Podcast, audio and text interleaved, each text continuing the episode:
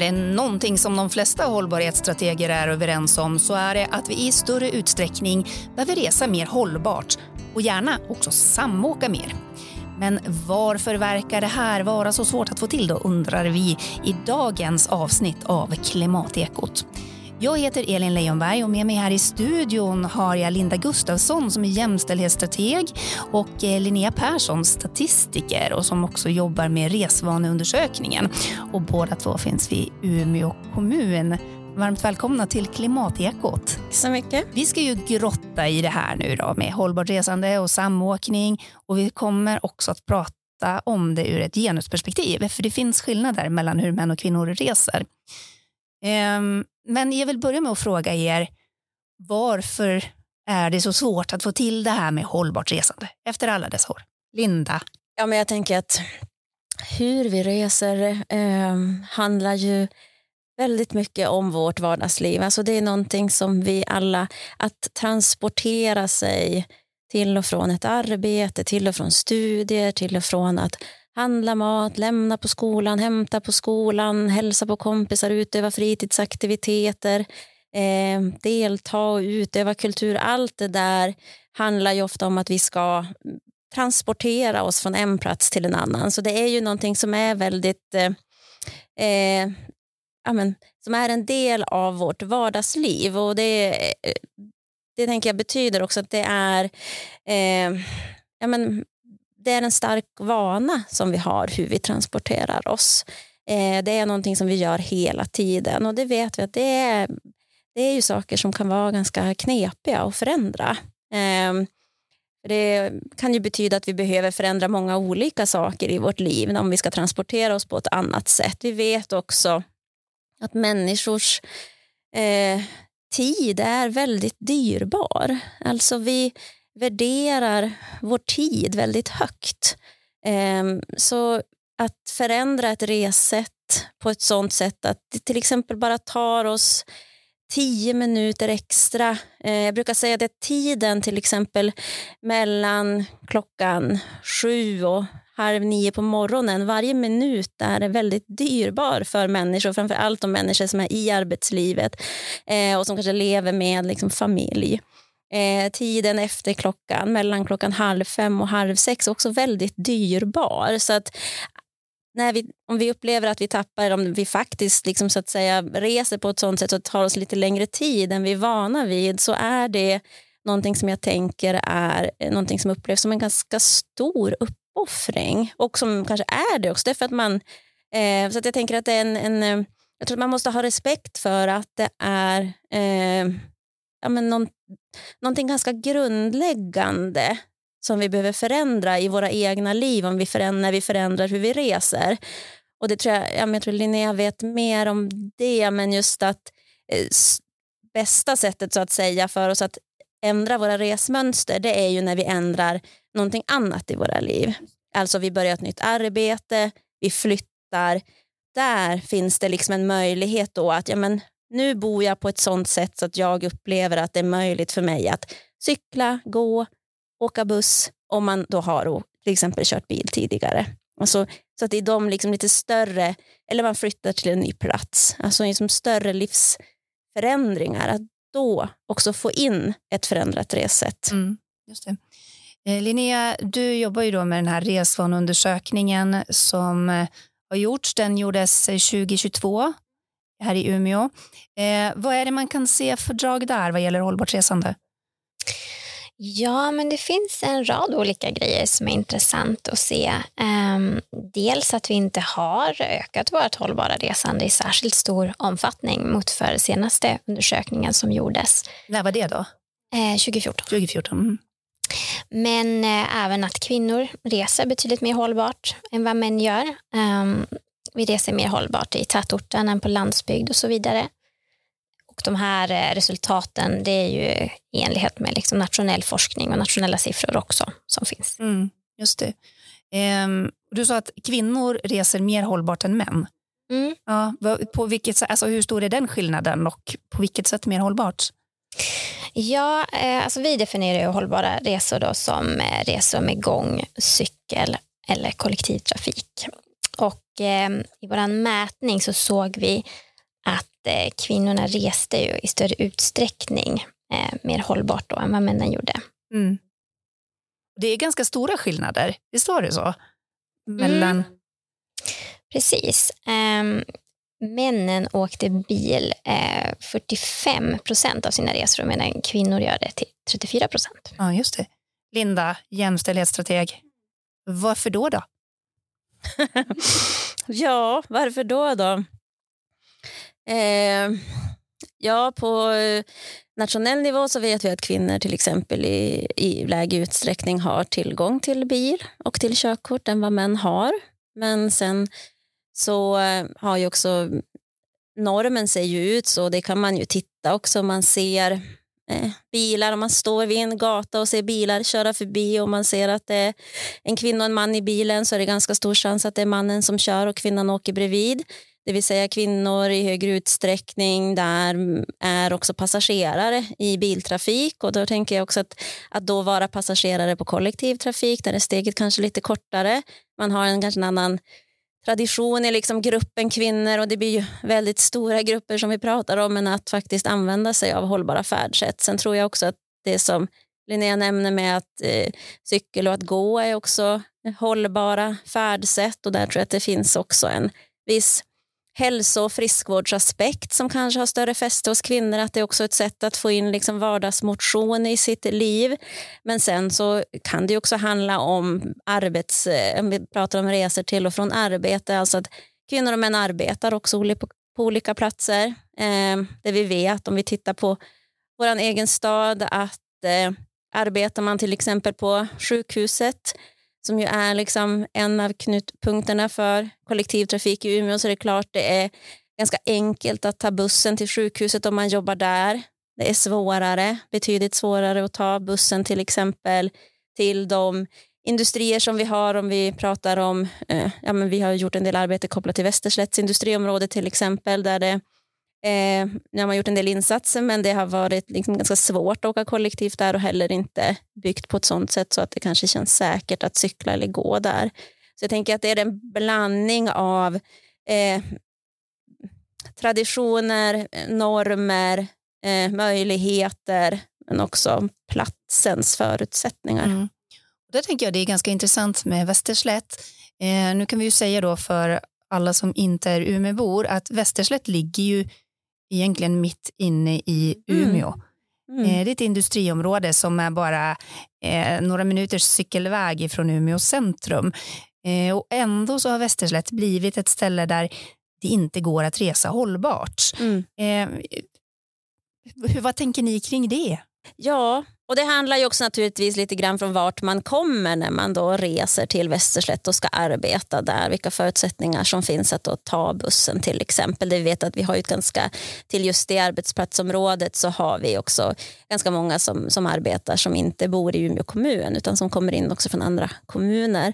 Eh, men du har ju helt rätt i det att, eh, och område, att området ligger väldigt centralt. Och det tänker jag är många städer som har den typen av områden också. Det är därför vi tycker det är väldigt intre- eller delvis därför vi tycker det är väldigt intressant att jobba med det. För vi tänker att det finns mycket lärdomar eh, som man kan där, men där man kan ta lärdom av varandra och också sprida det vi gör eh, utifrån att i växande städer eh, och som Umeå som en växande stad där Västerslätt kanske tidigare inte, ja men både inte eh, upplevt som att ligga lika centralt som det gör nu men i och med att staden växer och det tillförs bostäder och så vidare så blir det ju mer och mer liksom, liksom inbyggt också i en större stad. Eh, men där är det ju att ja, men det vi har gjort är att jobba både det här att försöka jobba med normer och identitet och i samverkan med det lokala näringslivet där arbeta med incitament för att resa mer hållbart, att diskutera det som handlar om ja, men, hur, vi, hur man reser och, och, varför man gör det. Så det finns ju, vi gör ju de val vi gör för att vi tänker att det är de som är möjliga att göra och liksom att få, få upp dem på bordet lite grann men att också jobba med ja, men, eh, helt enkelt eh, aktiviteter och insatser i området som handlar mer om det som vi säger, kanske mer tekniska insatser som handlar om mm, bättre busshållplatser, eh, mer, mer täta turer så att det verkligen ska bli möjligt att resa hållbart där och sen också de möjligheterna förstås att eh, kunna cykla till området. eller gå till området. Jag tänker på det här med, med just att, att då ni ser att eh, kvinnor reser mer hållbart eh, och vad som kan ligga bakom det här. Eh, självklart som du säger så spelar det ju roll vart man jobbar någonstans och eh, möjligheten att resa hållbart dit. Hur mycket tänker ni hänger ihop med andra normer och eh, hur vi som kvinnor är fostrade på något sätt? Lite där duktig flicka. Det är kvinnor i högre utsträckning som har klimatångest och som vill göra rätt och vill liksom, eh, ja, bidra på något sätt. Hur mycket, hur mycket spelar det in i det här tror ni? Ja, det vi vet från andra undersökningar är ju precis det du säger att eh, kvinnor i högre utsträckning känner stor oro för klimatförändringar än vad män gör. Alla känner stor oro i Umeå, eller väldigt många känner stor oro, men kvinnor känner ännu mer oro än vad män gör. Så det är klart att då handla i att, eh, alltså att agera med att resa hållbart, så är det klart, det kan man ju se att det kan ha ett samband förstås. Eh, jag tror också att, eller det är ju så att bilen, man pratar om liksom automobilitet och bilen i sig, är ju ganska tätt sammanknuten med någonting som är maskulint, alltså någonting som är, har en ganska manlig norm. Vem som framför bilen och eh, liksom bilen som symbol på något vis, men också liksom att identifiera sig med bilförande. Så att jag tänker att där, och där handlar det ju också då om att tänka på olika sätt jobba med att försöka också utmana den normen, men också förstå eh, hur tätt sammankopplad den kan vara med ens egen identitet. Och, eh, jag tänker att om man ska nå ett framgångsrikt arbete så måste man som också ha respekt för det. Att det kan vara en väldigt stark del av ens identitet. Och att då eh, tror ju jag att vägen framåt är att försöka och naturligtvis ut, utmana det på ett sätt som gör att man ändå känner att man vill göra mer hållbara val, att man förstår att det finns andra val att göra eller förstå också att eh, och Det är väl där diskussionen eller samtalen också om till exempel det obetalda hem och omsorgsarbetet kommer in. Liksom vem, ja men, vem anses vara mest lämpad att göra vad? Vem tar mer ansvar för eh, att lösa liksom vardagslivet? Vilka förutsättningar har man i en familj? Ja, men mera få till den typen av diskussioner. Men det är eh, inte alls enkelt. Nej. I den här resvaneundersökningen, får man motivera någonting då varför man gör vissa beslut, Linnea?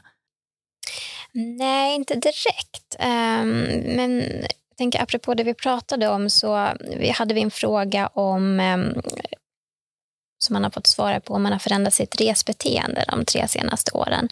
Och där såg vi faktiskt inga eh, stora skillnader mellan hur kvinn, män och kvinnor svarat. Eh, utan vi ser att eh, man tenderar till att, att välja mer eh, hållbara alternativ, eh, men inte någon stor skillnad där mellan män och kvinnor just. Mm.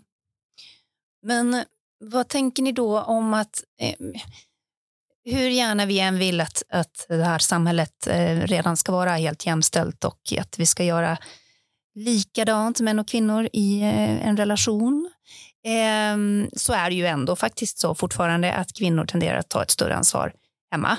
Ehm, tänka kring logistiken och det ska handlas och det ska hämtas barn och det ska skjutsas till träningar och så vidare. Och samtidigt så är man den som reser mest hållbart. Linnea, vad tänker du kring det? Eh, ja, just vad gäller eh, ärendefördelningen så såg vi ju precis som du säger att kvinnor tar ett större ansvar för vissa typer av liksom, logistik i vardagen. Sådär.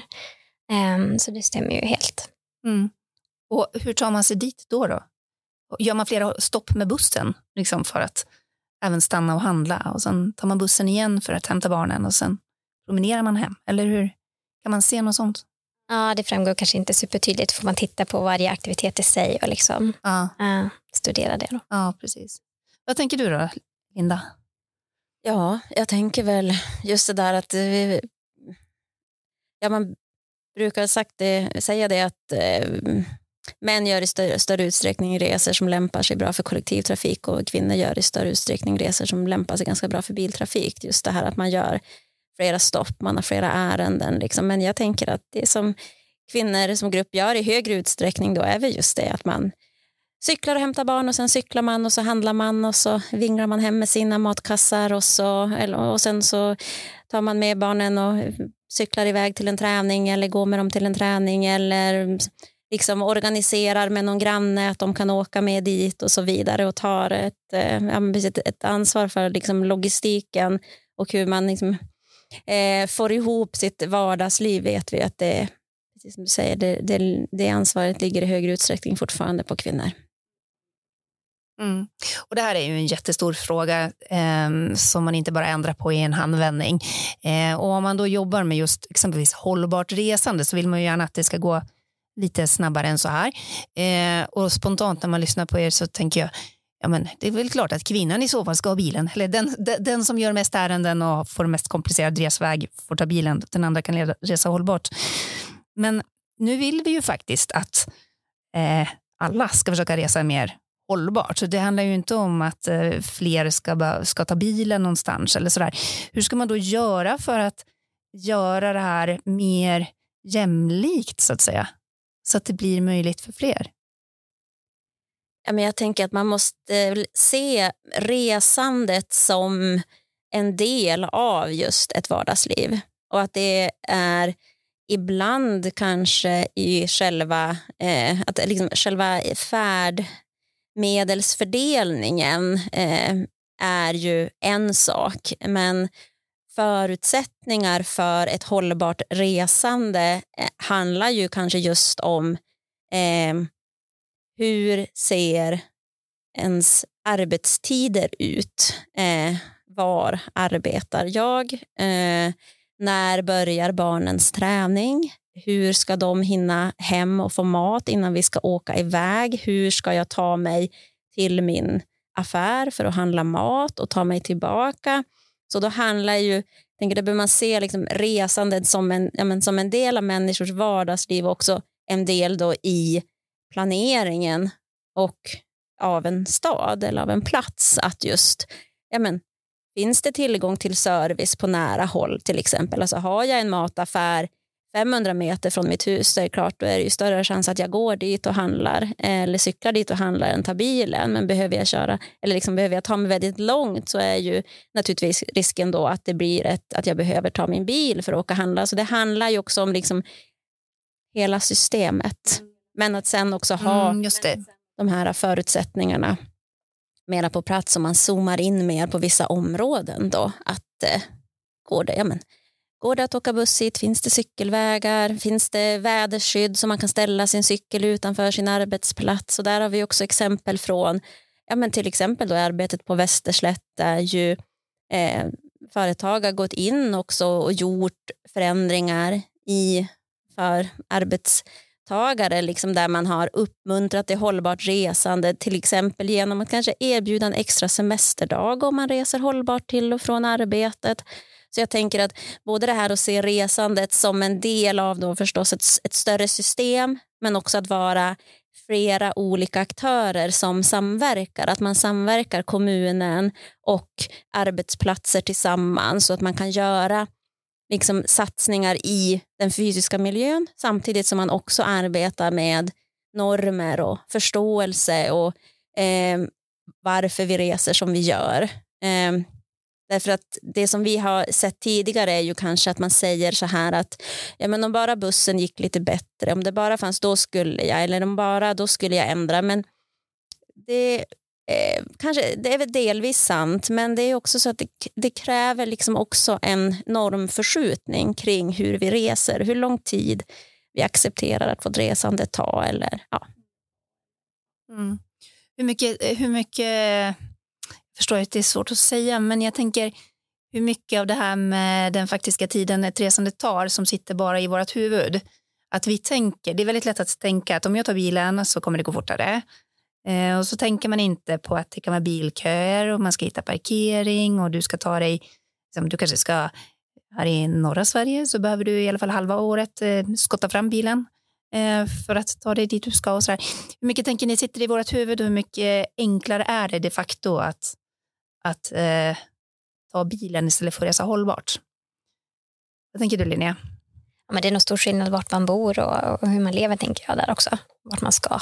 Vi har ju gjort några, det har gjorts några eh, olika övningar vi har gjort på Umeå kommun där man ju ser till exempel precis som du säger om man startar i centrala stan vid Vasaplan och så se, har man sett hur långt tar man sig på tio minuter eh, med bil, med buss, genom att cykla och med elcykel. Och då ser man ju att elcykel är ju helt oslagbart. Alltså, du tar det ju absolut längst på tio minuter med en elcykel i Umeå. Eh, sen så är det klart att, det är precis som Linnea säger, ja det är klart är det snårblåst och det snöar och så vidare, då är det inte kanske världens roligaste sak att sitta på en elcykel heller. så.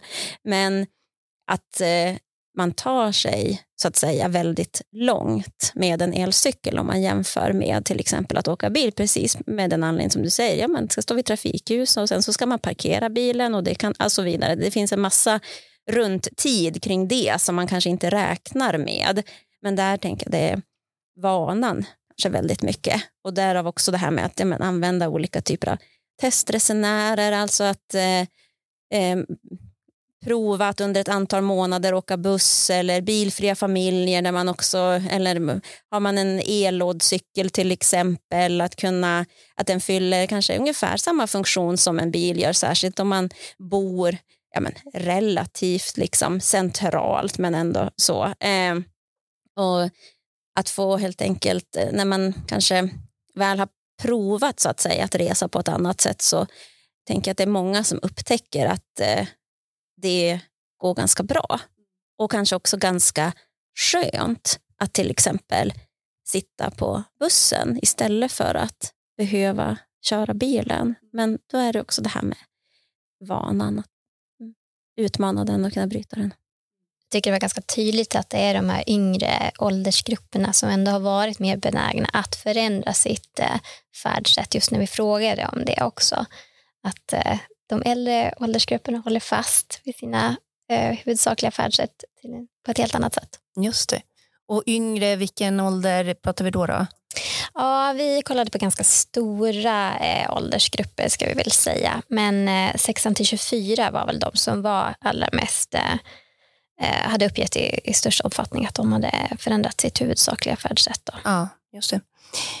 Um, det är ju eh, lätt att säga när man bor i centrala Umeå att eh, man kan väl cykla eller ta kollektivtrafiken.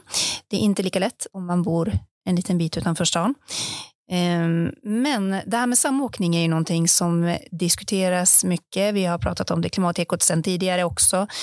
Ehm, varför är det så svårt att få människor att samåka och varför gör vi inte det i större utsträckning?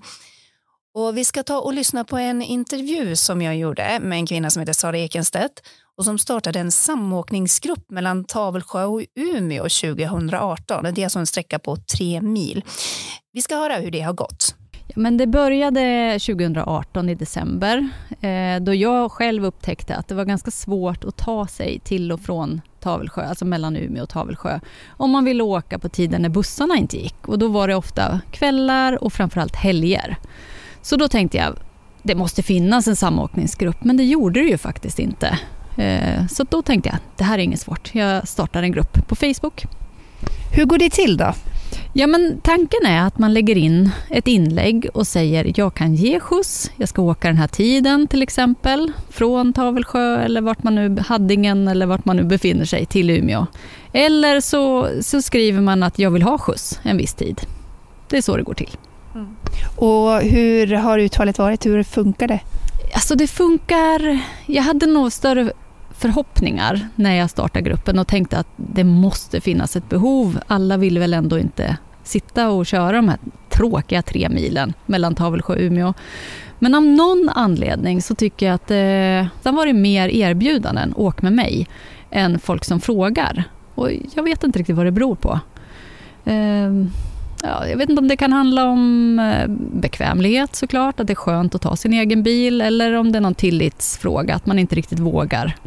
Vad har du fått för eh, respons från andra i den här gruppen? Då? Vad säger folk? Jag gjorde en liten undersökning för några år sedan och bara ställde frågor. Vad, vad, vilka behov finns för att få igång det här och få det att funka bättre? Och frågor som kom upp då var att eh, ja, men det borde finnas en app det skulle vara lättare så man kan lägga in typ ett schema, jag åker då och då, om det är fasta tider som man åker och pendlar till exempel till och från eh, stan från Tavelsjö. Eh, så app var en grej. En annan fråga som kom upp var det här med ja men, pris. Alltså ska man ta betalt för att erbjuda andra skjuts? Eh, tillitsfrågan som jag tänkte mycket på, den, den, har ändå inte varit någon stor grej utan och vi har inte, mig veterligen haft några incidenter att det har hänt någonting utan snarare tvärtom. Att när man åker med någon så skapar man en kontakt med någon annan i byn och man får ju någon, åtminstone säga hej-relation till den personen. Men eh, det var väl de stora grejerna. Eh, hur, hur når man ut liksom, med sin förfrågan och hur får man napp? Mm. Vad har varit eh, bekymret med att använda Facebook som plattform då? Ja, men Därför att ofta så lägger ju någon in ett inlägg. Shit, jag har tappat, eller jag, jag har missat bussen. Jag behöver komma in till stan nu. Och varken du eller jag sitter och tittar på Facebook hela tiden. Så då, då, då ser man ju inte att någon behöver hjälp. Så det som har funkat är ju om man har lite framförhållning och skriver jag ska på en grej i Umeå och vill komma hem imorgon eller på lördag eller vad det nu kan vara. Är det någon som kan ge skjuts? Då, de förfrågningarna får ju ofta napp i gruppen. Är du förvånad över att det inte har tagit mer fart än det har gjort? Ja, det är jag faktiskt. Därför att jag ser ju hur många som sitter och åker själva och jag vet ju hur många som pendlar fram och tillbaka varje dag och som skulle kunna både minska utsläpp, minska kostnader, eh, lära känna en ny granne. Alltså det skulle kunna lösa många små problem i vardagen. Vad tror du skulle behövas då för att eh, ett sånt här samåkningsprojekt ska ta fart? Oh, om jag visste det så skulle jag ha gjort det vid det här laget. Men jag vet inte om en app är rätt eh, grej. Utan jag tror att det är det här klassiska, att man måste planera. Vi eh, är benägna att försöka lösa problem plötsligt och då står man där och så får man köra själv. Men har man lite framförhållning och planerar så då tror jag det skulle funka bättre faktiskt. Det är ju bra att veta att det finns ju fler eh, samåkningsforum. Det finns skjutsgruppen till exempel, som är en nationell skjutsgrupp. Så vill man åka längre än bara mellan Tavelsjö och Umeå så kan man jättegärna kolla där. Eh, man kan bli medlem för 80 spänn och då, eh, ja, men då kan du ju ta dig till Göteborg via samåkning. Eller, alltså världen är öppen. eh, sen finns det också en skjutsgrupp som, jag vet inte hur aktiv den är, men mellan Vinden och Umeå. Framförallt med fokus på jobbpendling. Men, så det finns flera samåkningsgrupper om du inte vill vara beroende av din bil. Mm. Linnea? Ja, vad intressant att höra om Saras initiativ. Det lät jättespännande. Är det någonting som hon säger där som du eh, kan känna igen dig i, som du har tänkt när du sitter där och tittar på de här undersökningarna och siffror och hur det faktiskt ser ut? Ja, om vi ska titta på siffrorna så um, vi frågade då som sagt om, om um, personer har ändrat sitt eh, huvudsakliga färdsätt de tre senaste åren. Och om man då samåker bil mer eller mindre. Och eh, resultatet antyder ju att det är en viss ökning eh, för de som samåker mer. Men det är ju inte heller i någon större utsträckning sådär. Så det mm. är någonting som vi får kämpa vidare med. Mm.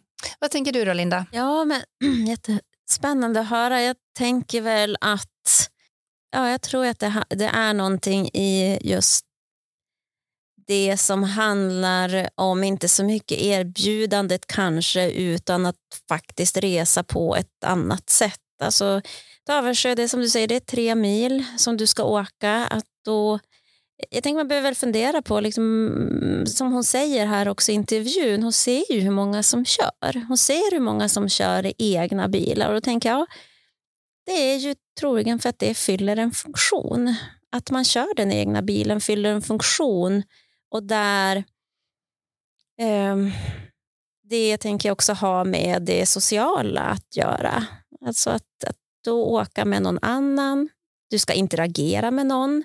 Det här är ju till exempel sånt som inte finns på bussen eller om du åker en tunnelbana, ett tåg, utan då är ju den liksom sociala överenskommelsen är ju att man sitter för sig själv. Alltså man interagerar ju inte. Alltså det är klart att man kan småprata med passagerare och där handlar det lite grann om vilken typ av person man är själv. Men man sitter på sitt säte och man lyssnar på sin musik. Men däremot att sitta i en bil och sätta in din egen musik i dina hörlurar när du ska åka med någon annan som du ändå känner igen ifrån byn, det tänker jag inte är kanske lika socialt accepterat. Så jag tänker att det handlar väl lite grann här också om att man behöver kanske komma överens om liksom, vad är det för sociala regler som gäller kring samåkning. Att det inte bara är det här erbjudandet om att faktiskt kunna få skjuts. Och den andra sidan av det är väl då kanske att det är, in, det är fortfarande inte tillräckligt oattraktivt att ta egen bil. Det vill säga, man tycker fortfarande att man har ekonomiska möjligheter att göra det. Liksom drivkraften att Eh, förändra sitt resande i det här för att göra för att resa mer hållbart. Att det ligger inte heller tillräckligt liksom hårt på en så att man gör den förändringen. Så jag skulle tycka det var jättespännande att se ja, men vad händer om man diskuterar just det där som handlar om den mera sociala interaktionen. Hur ska vi ha det med varandra här i byn om vi ska samåka? Vad ska vi prata om? Får man sitta tyst? Får jag lyssna på musik? Får jag sitta i baksätet som att jag åker taxi? Eller ska vi prata om med varandra? Oj, oj, oj. Det känns ju som att eh, det där kan ju vara en eh, enorm utmaning att lösa. Ska vi ge upp det här med samåkning kanske i Sverige? det tycker jag inte. men spontant också, man ska ju hem. Man kanske tar sig iväg med samåkningen men då ska man kunna ta sig hem också. Precis, man ska ta sig båda vägarna. Mm. Ja, men precis. Det ska man göra. Um, jag vet Linda, du har ju pratat en del också om det här med känslan för trygghet. Nu upplevde inte Sara att det just hade varit något problem. Mm. Eh, och det kan ju också bli skillnad när man då har en samåkningsgrupp i en, i en liten by. Eh, men där finns det ju också skillnad i vilken trygghet man känner eh, kvinnor och män. Ehm, berätta. Ja, men det vet vi ju också eh, genom undersökningar och att ja, men kvinnor upplever en större otrygghet i till exempel kollektivtrafiken än vad män gör. Eh, tittar man på Umeå så upplever man sig väldigt trygg i kollektivtrafiken just i Umeå. Men det finns en skillnad och den största skillnaden som jag sett också det är på, med nationella siffror det är just också bland de unga. Alltså unga tjejer upplever sig mer otrygga då i, i kollektivtrafiken än vad unga män gör.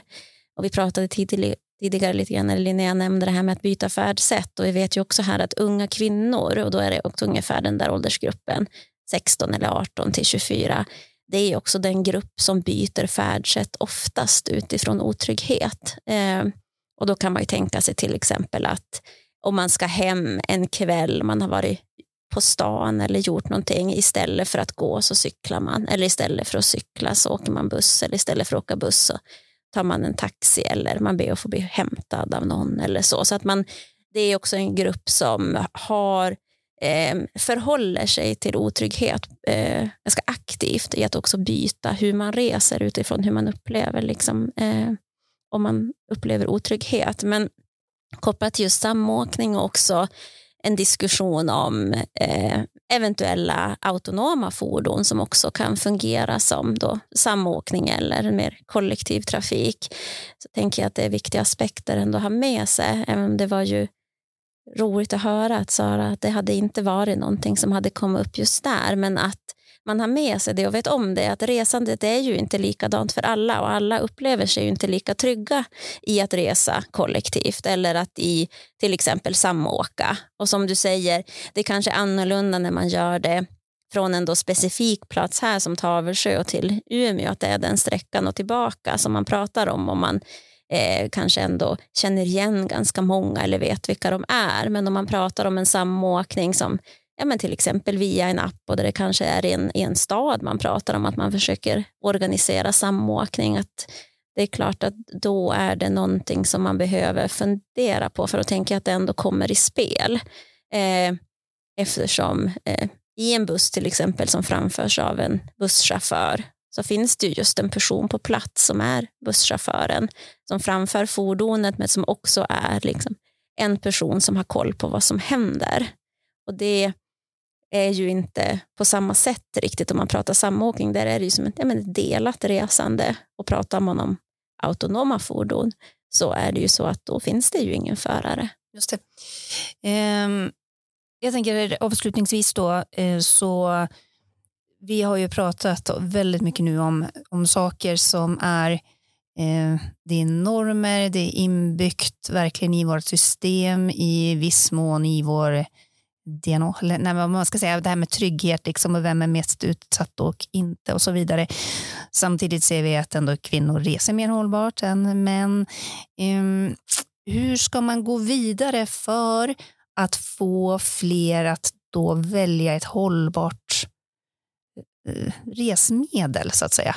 Är det bara att vi ska få män att åka mer hållbart och sen är vi i hamn? Eller måste det till jättestora samhällsförändringar? Eller ska vi börja i högre utsträckning eh, leva där vi bor? Eller vad tänker ni?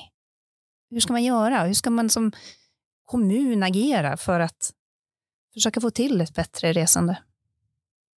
Ja, jag tänker att eh, en sak är ju det jag tänker att vi gör är ju att rikta in sig där det också finns, eh, ja, men där det idag finns ett ganska ohållbart resande. Till exempel just att rikta in sig på mansdominerade arbetsplatser där vi vet att man reser inte lika hållbart som till kvinnodominerade arbetsplatser. Eh, om vi pratar om stora arbetsplatser. Eh, det är ju ett sätt att faktiskt rikta in sig där eh, det går att eh, få till en större förändring.